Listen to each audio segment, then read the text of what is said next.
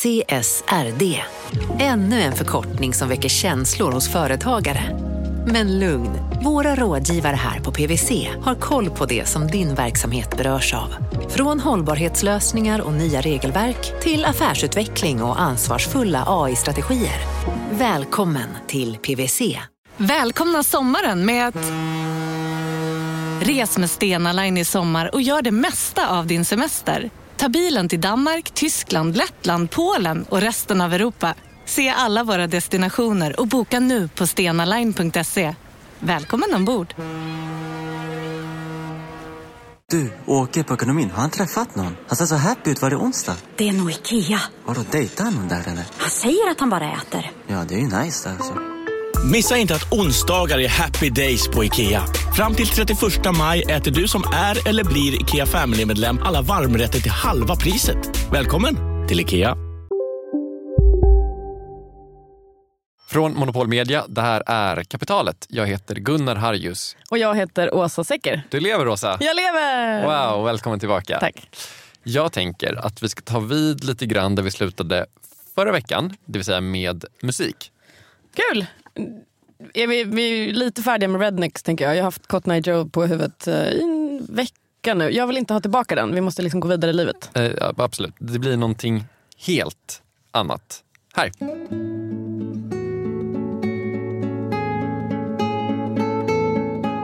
Eh, en vals?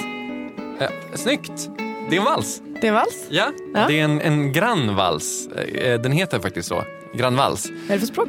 Eh, spanska. Spanska. Okay. Eh, jag kan inte det. Jag hade sagt Grand Vals om jag, det hade varit på franska. Eh, om det varit Chopin som hade skrivit den till exempel. Även om han var polack så pratade han franska. Det här är spanjoren Francisco eh, Tarrega med reservation för uttal. En av de bästa klassiska gitarristerna någonsin. Att skriva en sån Grand Vals slash Grand Vals, det var någonting som eh, kompositörer höll på med förr i tiden. Tarege själv, lite sidobonus, han led tydligen av extremt svår scenskräck och ville inte uppträda för typ större sällskap än du och jag. Eh, och absolut inte på en scen. Helst inte alls faktiskt. Han är någonting av en musikers musiker kan man säga. Om du någonsin spelat nylonsträngad gitarr, klassisk gitarr, på någon halvbra nivå så har du hört talas om Tarega. Mm, det är inte jag. Eller jag har inte gjort det. Nej, Eller nej. Nej, jag vet att, Ja. du, att du inte spelar nylonsträngad gitarr. Däremot så har du hört den här låten som jag spelade för dig nu säkert tusen gånger. Jättekul att du säger det. Jag har nämligen hört den här låten exakt noll gånger. Då har du sannoliken hållit för öronen. Eh, 2008 uppskattade man att den här låten spelades 1,8 miljarder gånger om dagen. Källa på det tack. Källa, vad fan var det? Var det typ Business Insider kanske? Okej. Så här, jag förstår att du kanske inte känner igen den under namnet Grand Vals. Den är lite kändare under ett annat namn. Type 7. Exakt noll klockor ringer. Om vi släpper det med att jag tydligen har hört den här tusen gånger eller noll gånger. Det spelar ingen roll. Var, varför spelar du den här låten för mig? Ja, musik är jättekul och förra avsnittet handlade om musik. Det här är en ekonomipodd. Ta det lugnt. Jag lovar, det kommer bli ekonomi eh, nu faktiskt. För den här veckan handlar kapitalet om ett företag som under en period gjorde väldigt, väldigt, väldigt många saker helt rätt. Bland annat valet av den här låten. Eh, de tog över världen, de var bäst på det de gjorde i ett drygt decennium tills de en dag inte var det. Historien om företaget i fråga är inte bara historien om ett företag. Det är också på något sätt berättelsen om ett land och vad som händer när ett företag blir på tok för stort för ett land. Om det nu finns en sån sak. Det här företaget, nu kommer det ännu fler ledtrådar. De ligger bakom klassiker som 1100, 3210 och 3310. Den hade jag, det var en succé. Företaget var också med och uppfann och utvecklade, vid det här laget kanske borde ta det då, speciella bildäck, GSM, gummistövlar, toalettpapper, gasmasker. Men framför allt då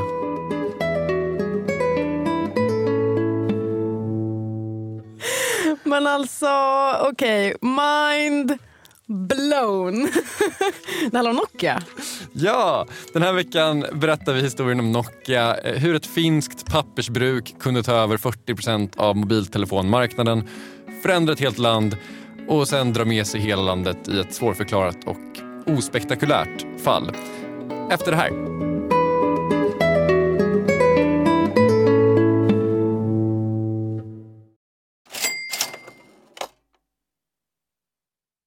Vi sponsras av alltså Storbrand Asset Management som ju förvaltar över 1000 miljarder norska kronor, bland annat för SPPs eh, många pensionssparare.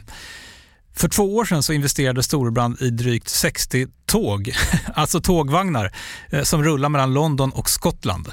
De leasar sedan de här tågvagnarna till tågoperatören som alltså kör tågen och säljer biljetter och sånt eh, med ett avtal på 27 år. Så britterna får nya fina tåg och storbrandskunder, eh, däribland alltså SPPs pensionssparare, får en inflationsskyddad avkastning med låga risker under lång tid. Det här är ett av supermånga exempel på hur pensionskapitalet i växande omfattning bidrar till att bygga samhället och inte minst till att klara klimatmålen. Det behövs elproduktion, elnät, batteriparker, nya transportlösningar och allt möjligt. Bara i Europa antas investeringsbehovet för att klara klimatmålen uppgå till tusentals miljarder dollar. Och det här är ju pengar som ganska ofta saknas i statsbudgetarna. Däremot är det här pengar som pensionsbolagen kan vara med eh, och stoppa in, vilket ger pensionsspararna en fin avkastning under lång tid samtidigt som man är med och ställer om samhället. Vi har gjort ett helt avsnitt om det här eh, som man kan lyssna på. Det publiceras här i Kapitalet i mitten av maj. Ratta gärna in det om ni vill lära er mer om hur det här funkar. Men tack säger vi till Storbrand Asset Management som ju investerar i alla tänkbara tillgångslag, bland annat för pensionsbolaget SPP. Och tillsammans försöker ju vi, Storbrand och SPP, öka medvetenheten om hur pensionerna funkar och vilken roll pensionerna spelar i samhället och i ekonomin.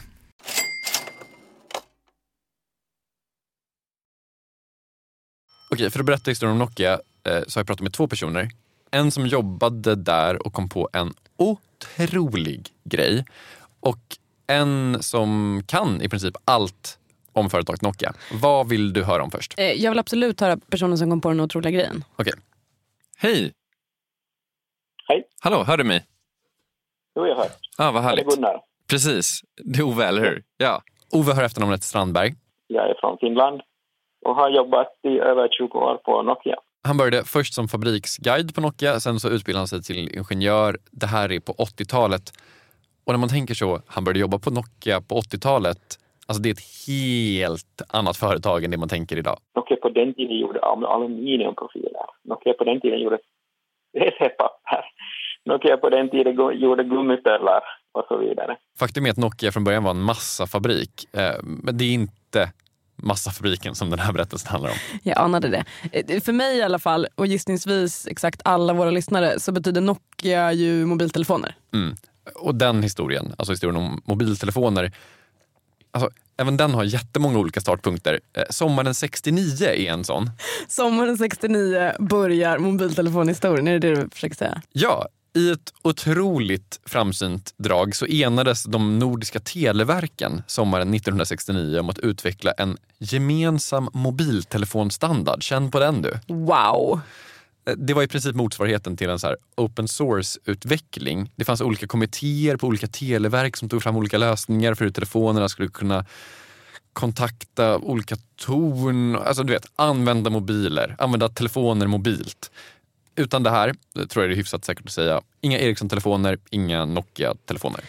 Och- det är alltså början på Nokias framgångssaga med mobiltelefoner. Alltså ja och nej. Eh, När Ove började så var inte mobiltelefonerna en stor grej. Däremot så var Nokia ett spännande företag på massa andra sätt. Det fanns ju inga gränser. Det, det var, möjligheterna var lika högt som himmelen, rymden. Det fanns inga begränsningar i tanken att vart vi kunde gå. Visst finns det ekonomiska realiteter, men, men på det tekniska så var det en, en tid då det, det fanns fantastiska möjligheter att eh, tillämpa ny teknik och elektronik. Och den här eh, mentaliteten var just det där att, att vad kan vi hitta på? Vad, vad ska vi hitta på? Vad, vad, vad, vad hittar vi på här nu då? Och det man hittade på, det var massa olika grejer. De här armeringarna och gummistövlarna och allt det där vi pratade om. Vilket ju var toppen, för det var superkul att jobba där och man kom på massa kul grejer. Men det var också början till fallet som skulle bli början till framgången. Som blev början till fallet. Precis. Och för att förstå hur allt det där hänger ihop, då måste vi prata med den här andra personen som vi pratade om tidigare. Han som kan allt om Nokia.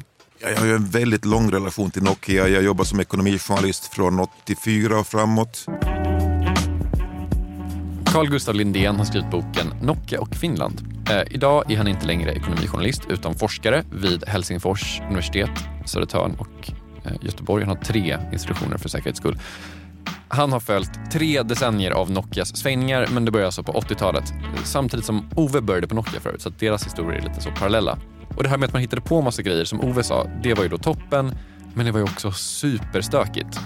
Det var, det var också då ett stort företag men ett annat slags företag. Det var ett, ett mångindustriföretag. Det var massa olika, allt från gummistövlar och kablar till tv-apparater. Man köpte ju LM Ericssons, Ericssons det här, eh, data, data det här, eh, verksamhet i Sverige. Det var deras första stora såna utlandsinvestering och det gick ju åt helvete fullständigt. Så att kring 89-90 så var det ett konkurshotat företag. Det var, gick väldigt dåligt för dem. Nokia köpte en del av Ericsson. Det går inget vidare för att uttrycka det milt. Ericsson i den här svängen ingår relativt så seriösa förhandlingar kring att köpa hela Nokia. Okej, så först säljer Ericsson en bit av sitt företag till Nokia.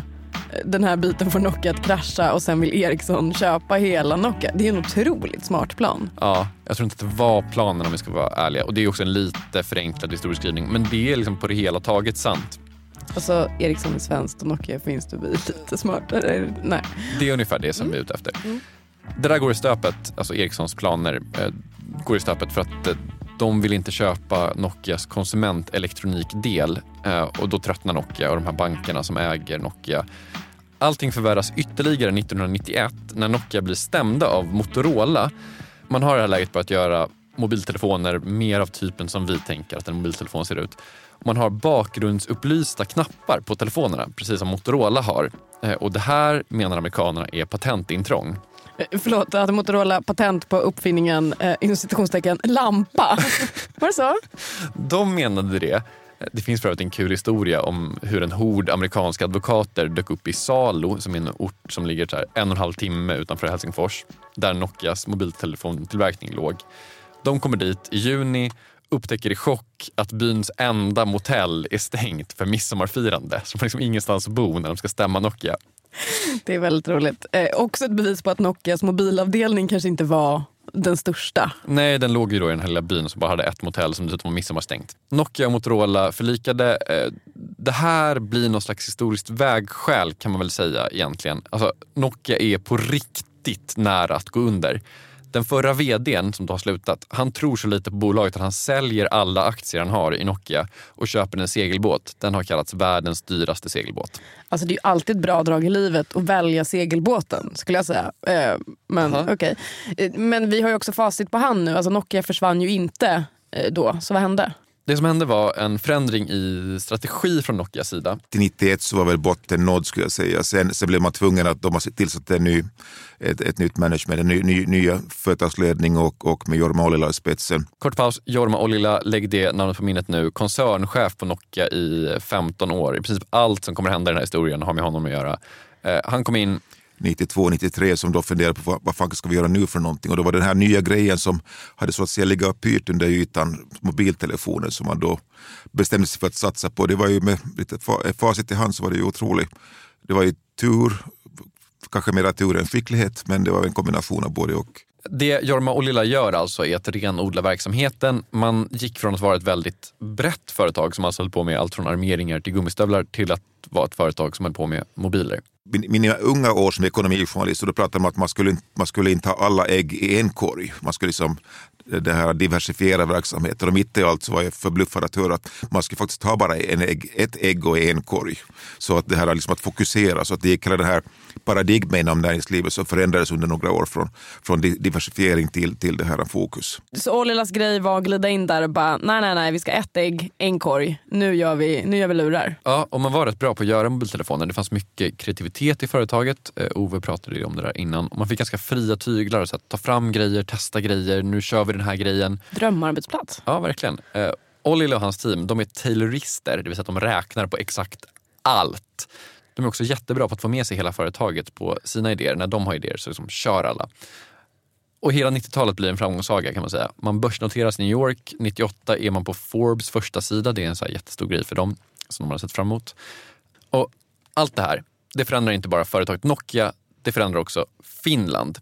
Och som Carl Gustaf Lindén säger, efter andra världskriget, förlusten mot Sovjetunionen, så var Finlands högsta prioritet att hålla låg profil. Inga nyheter var goda nyheter. Eh, och sen kom det Nokia och mitt i allt smällde till dem med liksom placera Finland på världskartan. Och det var en väldigt svår sits för många finnar att, att förstå liksom att okej, okay, att vi försöker liksom se, se, till att vi inte ses och hörs på något sätt och mitt i allt så vill alla bara prata om oss.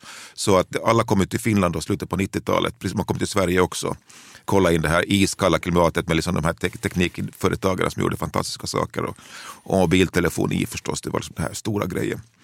Sen, sen åtminstone jag kommer ihåg själv när man reste på 90-talet liksom, och hörde en Nokia-tune i, du vet, i någon tunnelbana någonstans i New York eller Hongkong. Och det var en sån här nationalistisk känsla av att yes, jag, jag är en del av den här. Fast det är ju bara, det är inte ens en finsk låt. Så. Alltså jag, det här väcker många känslor eh, inom mig. Ja. Eh, varma. Varma känslor. Eh, men det är lite så mer svårgreppbara liksom, koncept vi pratar om nu. Så här, självkänsla, bilden av Finland, identitet. Nokia måste ju också ha varit en eh, jättestor grej för Finland ekonomiskt. Alltså i reda pengar. Jättelitet land, stort företag som bara boom, tar över halva världen. Absolut. Om vi bara pratar jobb först. 18 000 personer var anställda på Nokia i mitten av 90-talet, vilket ju är en ja, bra grej för ett land.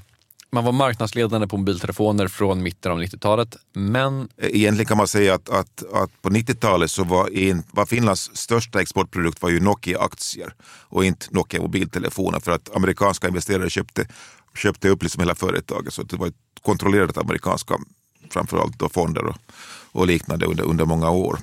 Eh, så att, att någon har räknat ut att, att, att, så att säga Finland som, som, som land eh, med invånare, med liksom näringsliv, med allting, så har tjänat ungefär 100 miljarder euro på Nokia. Alltså det är nettovinsten så att säga fram till då det börjar gå dåligt. Så att det är mycket pengar för ett land som har varit fattigt på kapital och haft en ganska, det här, ganska det här, eh, ensidig struktur, metall och, och skog, skogsindustri.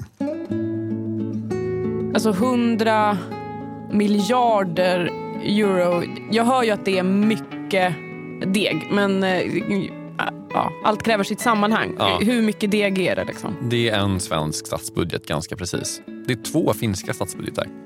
Alltså, det, är, det är ändå otroligt mycket, även med såna här otroligt mycket pengar mått. Gud ja. Eh, The Economist gjorde en jämförelse där man landade i att inget land har någonsin varit så beroende av ett enda företag som Finland var av Nokia. Det är sjukt. Det är sjukt. En fjärdedel av all tillväxt mellan 98 och 2007 kom från Nokia. En fjärdedel av all tillväxt, Åsa. Oj, oj, oj. En fjärdedel av all bolagsskatt, en tredjedel av allt som lades på utveckling och forskning kom från Nokia. Men jag känner typ spontant att det här borde vara förbjudet för det är too fucking risky. Alltså, hela Finland kan inte vila på stackars Nokias axlar. För helt plötsligt kommer Steve Jobs där och bara ah, ah, så här ska telefonerna se ut. Samtidigt då, om man får välja mellan att ha ett företag som drar in två statsbudgetar och ha ett företag som inte drar in två statsbudgetar, vad väljer du? Ja, jag väljer det som drar in två statsbudgetar. Men alltså, jag är ändå tillbaka på det här med diversifiering och många ägg och många korgar. Jag tycker ja, vi ska... Att ja. ett land kanske ska tänka på... Alltså, jag mm. tänker på att, nu vet jag att du älskar fotboll. Ja, absolut. Mer än livet självt. Ja, där kan man höra saker som att så här, Åh, Argentina är för beroende av Lionel Messi. Allt spel går genom honom. Och det är ju sant allt spel går genom honom och han skulle bli skadad skulle Argentina inte ha något spel. Samtidigt är jävla Lionel Messi, han gör typ tusen mål, han är ofattbart bra. Som ett dokumenterat stort fotbollsfan då, så älskar jag den här liknelsen. Mm. Och precis som det brukar hävdas då att Messi får bestämma lite för mycket i ett lag. Kanske i Barcelona får han bestämma vem som ska träna laget sägs det bakom kulisserna. Eller han får bestämma hur laget ska spela. Så verkar det lite som att Nokia de skrev sina egna regler lite grann. Nokia har ju så att säga format Finland väldigt långt genom lagstiftning. Man har liksom så att säga påpeka saker för politiker och tjänstemän att det här måste vi åtgärda, det här måste fixas. Jag menar vad gäller utbildning, vad gäller skatter, vad gäller forskning och utveckling, vad gäller universitetspolitik eh, och vad gäller, vad gäller det här utrikespolitik och integrationspolitik. Så att jag menar, vi skulle knappast ha det här, ett finskt EU-medlemskap utan Nokia för att Nokias tryckte på väldigt hårt där och så att lobba för ett EU-medlemskap. Så att, att, på många sätt så skulle vi inte ha det Finland som vi har idag utan Nokia. På gott och på ont. Eh, på gott har vi ju pratat om en del här, två statsbudgetar och så vidare. Mm. Vad är det som är på ont? På ont? Efter det här?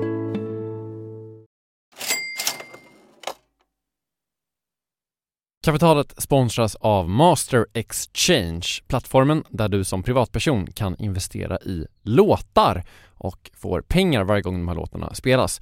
Eh, vi berättade ju senast eh, om barnlåten Puff the Magic Dragon som noterades av Master Exchange under våren. Nu har utdelningen på den låten kommit, eller royaltyn som vi säger i musikbranschen. Eh, den ligger på drygt 12% i årstakt och det här är ju en avkastning som är helt okorrelerad till eh, börsen. Till och med Goldman Sachs har börjat skriva om just musik som investering eh, just ur det här perspektivet. Nu finns en möjlighet att investera i en ny låt. Eh, låten heter Boss Bitch och den är av Doja Cat som, alltså jag ska inte säga att jag är superdeep här men det är ändå en, en, person som jag vet om det är. En, en världskändis. Den här låten gav baserad på förra årets spelningar en avkastning på drygt 13% Master Exchange har just nu en väntelista på registreringar. Det, det, går lite för bra för dem kan man säga. Men skriver ni in kapitalet som promo code så kan ni runda kön och ansöka om andelar i låten Boss Bitch ändå. Om ni investerar helt vanliga pengar, det är inget krypto eller sånt där, så vill du investera i musik och få en avkastning som är helt okorrelerad med börsen och kanske inte minst för att det är kul att äga låtar, eh, så kan man gå in på masterexchange.com och använda kapitalet som promo code så går man alltså förbi kön. Kom ihåg dock att alla investeringar är förenade med risk, men vi säger stort, stort tack till Master Exchange. Kapitalet sponsras av Karla, Jakob. Ja, bilar igen. Ja, det är eh, härligt. På Karla kan man sälja sin elbil eh, på det gissningsvis smidigaste sättet i Sverige. Eh, Karla har ju ett nästan ett komiskt högt användarbetyg på Trustpilot. Mm. 4,8 av 5, vilket jag typ aldrig hört talas om. Nej, det är väldigt, väldigt högt. Eh, man knappar in lite info om bilen på sidan, sen får man en gratis värdering och ett bud. Accepterar du budet kommer Karla och hämtar upp bilen gratis och sätter in pengarna innan de kör iväg. Inget mer än så. Rätt fantastiskt. Nej, det är faktiskt ja. helt otroligt. Och eh, det kan bli ännu mer eh, otroligt än så. Eh, för att vi har nämligen en rabattkod som ger dig 2000 kronor extra för bilen. Så att om du säljer din bil så får du två lax extra. Stämmer. Bara sådär. Eh, koden är Monopol och eh, den uppger du när du har värderat bilen och eh, pratat med Karlas inköpare. Koden är giltig till sista maj så att passa på om du går i säljartankar. Jag undrar om vi haft en kod som har gett två lax bara sådär någon gång. Nej. Det är helt otroligt. Man behöver en bil förvisso. Absolut, så det är kanske inte bara sådär, men det är ändå 2000 kronor extra. Väldigt bra. Ja. Så sälj din elbil eller laddhybrid till Karla. Du får 2000 kronor extra med rabattkoden Monopol. Eh, hoppa in och kolla på karla.se Karla Museet. Där kan man också köpa bilar ska jag tillägga. Verkligen. Vi säger stort tack till Karla. Det är runt millennieskiftet. Nokia har blivit världens största mobiltelefonföretag. Eh, det har man lyckats med under ledning av Jorma Ollila, en stark företagsledare som valde en tydlig inriktning för Nokia. Eh, man uppmuntrade kreativitet. Eh, har jag missat något? Ja, du har inte missat någonting som vi har pratat om. Däremot finns det några grejer till som brukar så lyftas upp. Eh, en grej var att man hade en otroligt stark teknisk kunskap i företaget, framförallt när det gällde hårdvara. Man var verkligen sjukt bra på att bygga de fysiska lurarna. Man var också så framtidspersoner i största allmänhet. Det första smset mellan två telefoner var Nokia med och skickade. Man upprättade också en otrolig logistikapparat som var överlägsen alla andras. Plus att man kom med spelen Snake och Snake 2 som är objektivt är de bästa spelen någonsin. Alltså de är helt eh, otroliga. Får jag också säga det här med så här teknisk hårdvarukunskap. Alltså det finns ju ingen mobil som är så bra i ren hårdvara som en Nokia 3310. Du kan slå ihjäl någon med den mobilen. Absolut. Och sen så bara liksom, eh, klickar du ihop den igen och så kan du ringa från den. Plus att du kan byta skal på den. Ah, alltså drömtelefon. Mm. Okay, eh, vi fortsätter framgångssagan då. Eh, man drog in 100 miljarder euro till Finland, man skapade typ 20 000 jobb. Men vi har också varit inne på att Finland blev Ja, man kan uttrycka det diplomatiskt då, lite för beroende av Nokia. Alltså de ändrade massa skatter, gick med i EU, antog euron, massa saker för Nokias skull. Mm. Alltså det ska väl sägas då att det där inte är en superovanlig grej. Försvarsministern i USA under Truman ska ha sagt han sa inte så, men han ska ha sagt att eh, what's good for General Motors is good for America. Gunnar Sträng sa definitivt vad som är bra för Volvo är bra för Sverige. Alltså det finns, ah, det finns liksom, varje land har i princip en variation på det här uttalandet som man använder för att motivera olika förändringar i lagstiftning eller sådär. För att gynna företag helt enkelt. Och det fanns verkligen en sån vad som är bra för Nokia är bra för Finland stämning i Finland runt millennieskiftet. Vad skulle det nutida exemplet vara? Vad som är bra för Spotify är bra för Sverige. Ja, Ikea? Mm. Ja, Spotify för att man vill ha tech-grejen tror jag. Mm. Okej, men, men är det det då eller är det bara något man säger? Alltså, är det som är bra för Nokia också faktiskt bra för Finland? Det går såklart att argumentera för det. Man skapade som sagt otroligt mycket. Men runt millennieskiftet så började man också flytta ut från Finland. Man slutade ha hela sin underleverantörskedja i Finland. Man tyckte att det kändes för bräckligt och så flyttade man den till andra länder, bland annat Kina och Taiwan. Man la ut väldigt mycket på ett företag som heter Foxconn. Borde det namnet eh, betyda något för mig? Foxconn växte fram mycket tack vare Nokia. Idag är man världens största tillverkare av elektronik. 2017, det vill säga för två år sedan, då omsatte man nästan 5 000 miljarder dollar. Okej, okej, okej. Eh, fe- 50 statsbudgetar, 50 svenska statsbudgetar omsätter det här företaget varje år. det är en del. Det är en del. I alla fall, runt millennieskiftet 2001 kan vi ta som exempel. Då var Nokia marknadsledande på telefoner. De hade 40 procent av marknaden. Det är, det är mycket det. 40 procent av alla mobiltelefoner som såldes världen över var Nokia-telefoner. Yes, fyra av sex. Sjukt. Sjukt. Ove i alla fall. Du minns Ove? Jag minns Ove, han hette Strandberg i efternamn. Han jobbade på Nokia. Precis. Där jobbade han med nätverk. Han minns hur de hade något litet kontor där. De satt tätt och bara höll på med sina grejer. Sen blev han skickad till USA i några år för att jobba med Nokia där. När han kommer tillbaka, då sitter det här teamet som han har jobbat med plötsligt i något så fantastiskt fint kontorslandskap mitt i Helsingfors och allting är nytt och glänsande. Och jag såg det tänkte jag nej, nu, nu satsar vi på, på, på, på fasader istället på innehåll. Och nej, det var inte så att bara liksom från den sekunden som Ove kom tillbaka så började allt gå åt helvete bara för att man hade ett nytt och fint kontor. Många företag har nya fina kontor som det går bra för än idag. Men det fanns också andra saker som hade hänt som Ove la märke till. Det, det finns ett uttryck som jag hatar. Det, det som beskrev det väldigt bra. Och det var alltid så här att man kom med en ny idé så sa de att ja, men du måste ha en business case. Så det Ove menade hände var egentligen att man så här kom bort lite från det här idédrivna, kreativa, härliga till att bli lite mer affärsinriktade helt enkelt. I princip ja. Alltså, han menar på inget sätt att det här är hela anledningen till att det började gå dåligt för Nokia. Men det var vad han kunde se från där han satt. Nokia fortsatte vara ett jättestarkt företag som fortfarande var marknadsledande inom mobiltelefoni under 00-talets första hälft, alltså mellan ja, 00 och 05 egentligen och till och med fram till 2008. Men and we are calling it iPhone. Today,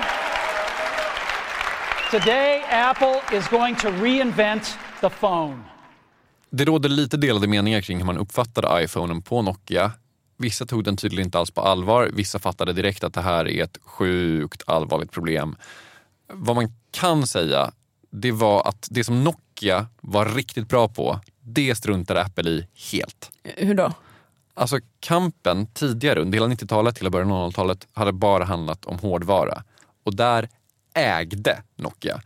Nu handlar det helt plötsligt om ekosystem och mjukvara och allt skulle hänga ihop och man skulle ha en app store och hela den grejen.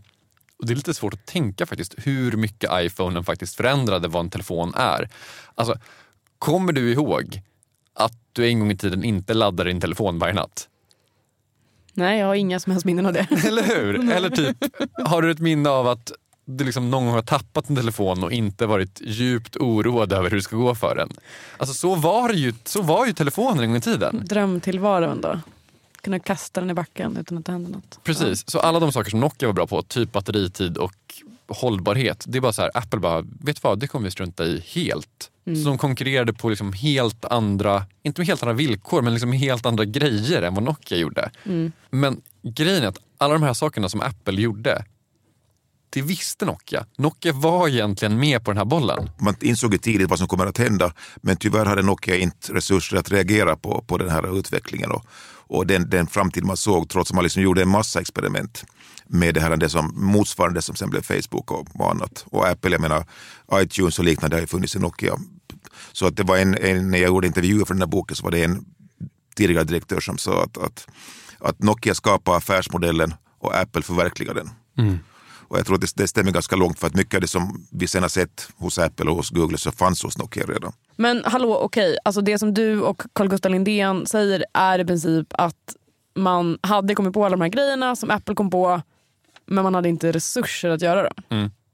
Ja, det stämmer inte. Det var ju miljarders hit och miljarders dit. Det gick ju asbra för Nokia. Absolut. Alltså, egentligen fanns det ju resurser, alltså i reda pengar fanns det resurser. Däremot så beskrivs det som att det inte fanns någon energi i företaget egentligen. Och det här, nu är vi tillbaka på de här svårgreppbara grejerna som så här, det har slutat handla om idéer och bara börjar handla om business. Alltså den typen av grejer som är lite svårförklarat, lite odramatiskt egentligen. Så här, kulturskifte inom företaget. Det pratas ganska mycket om bland före detta Nokia-anställda att under den här tiden så fick eh, alla chefer optioner på företaget, blev jätterika och det gjorde dem lite mindre fokuserade. Nokias framgångar gjorde också att en viss typ av personer började jobba där. Personer som kanske var mer intresserade av pengar än av att det skulle liksom komma på spännande grejer. Dessutom då så hade det byggts upp ett fullständigt myller av administration och byråkrati inom företaget. Alltså under ett par år så gjorde man omorganiseringar en gång i kvartalet. Mardröm. Fullständig mardröm. Det är en fullständig mardröm. Det var jättemycket interna strider där produktcheferna stred med varandra. Det här softvaran, mjukvaran var liksom applicerad var utvecklad liksom för, det fanns tror jag 63 olika versioner av operativsystemet Symbian i något skede.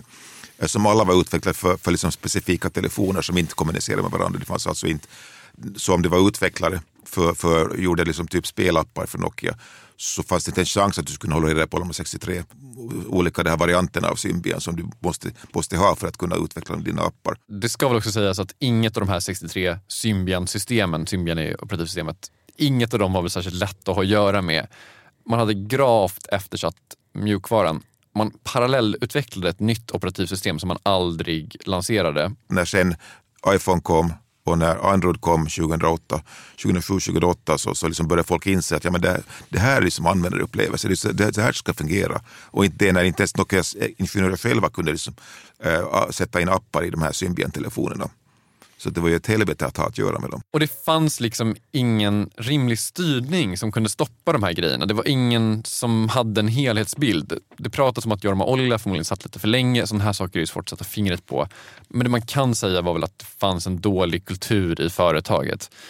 Men man hade en chans 2008. Man pratar om the Kodak moment när man hade, hade skulle haft en möjlighet att göra någonting radikalt.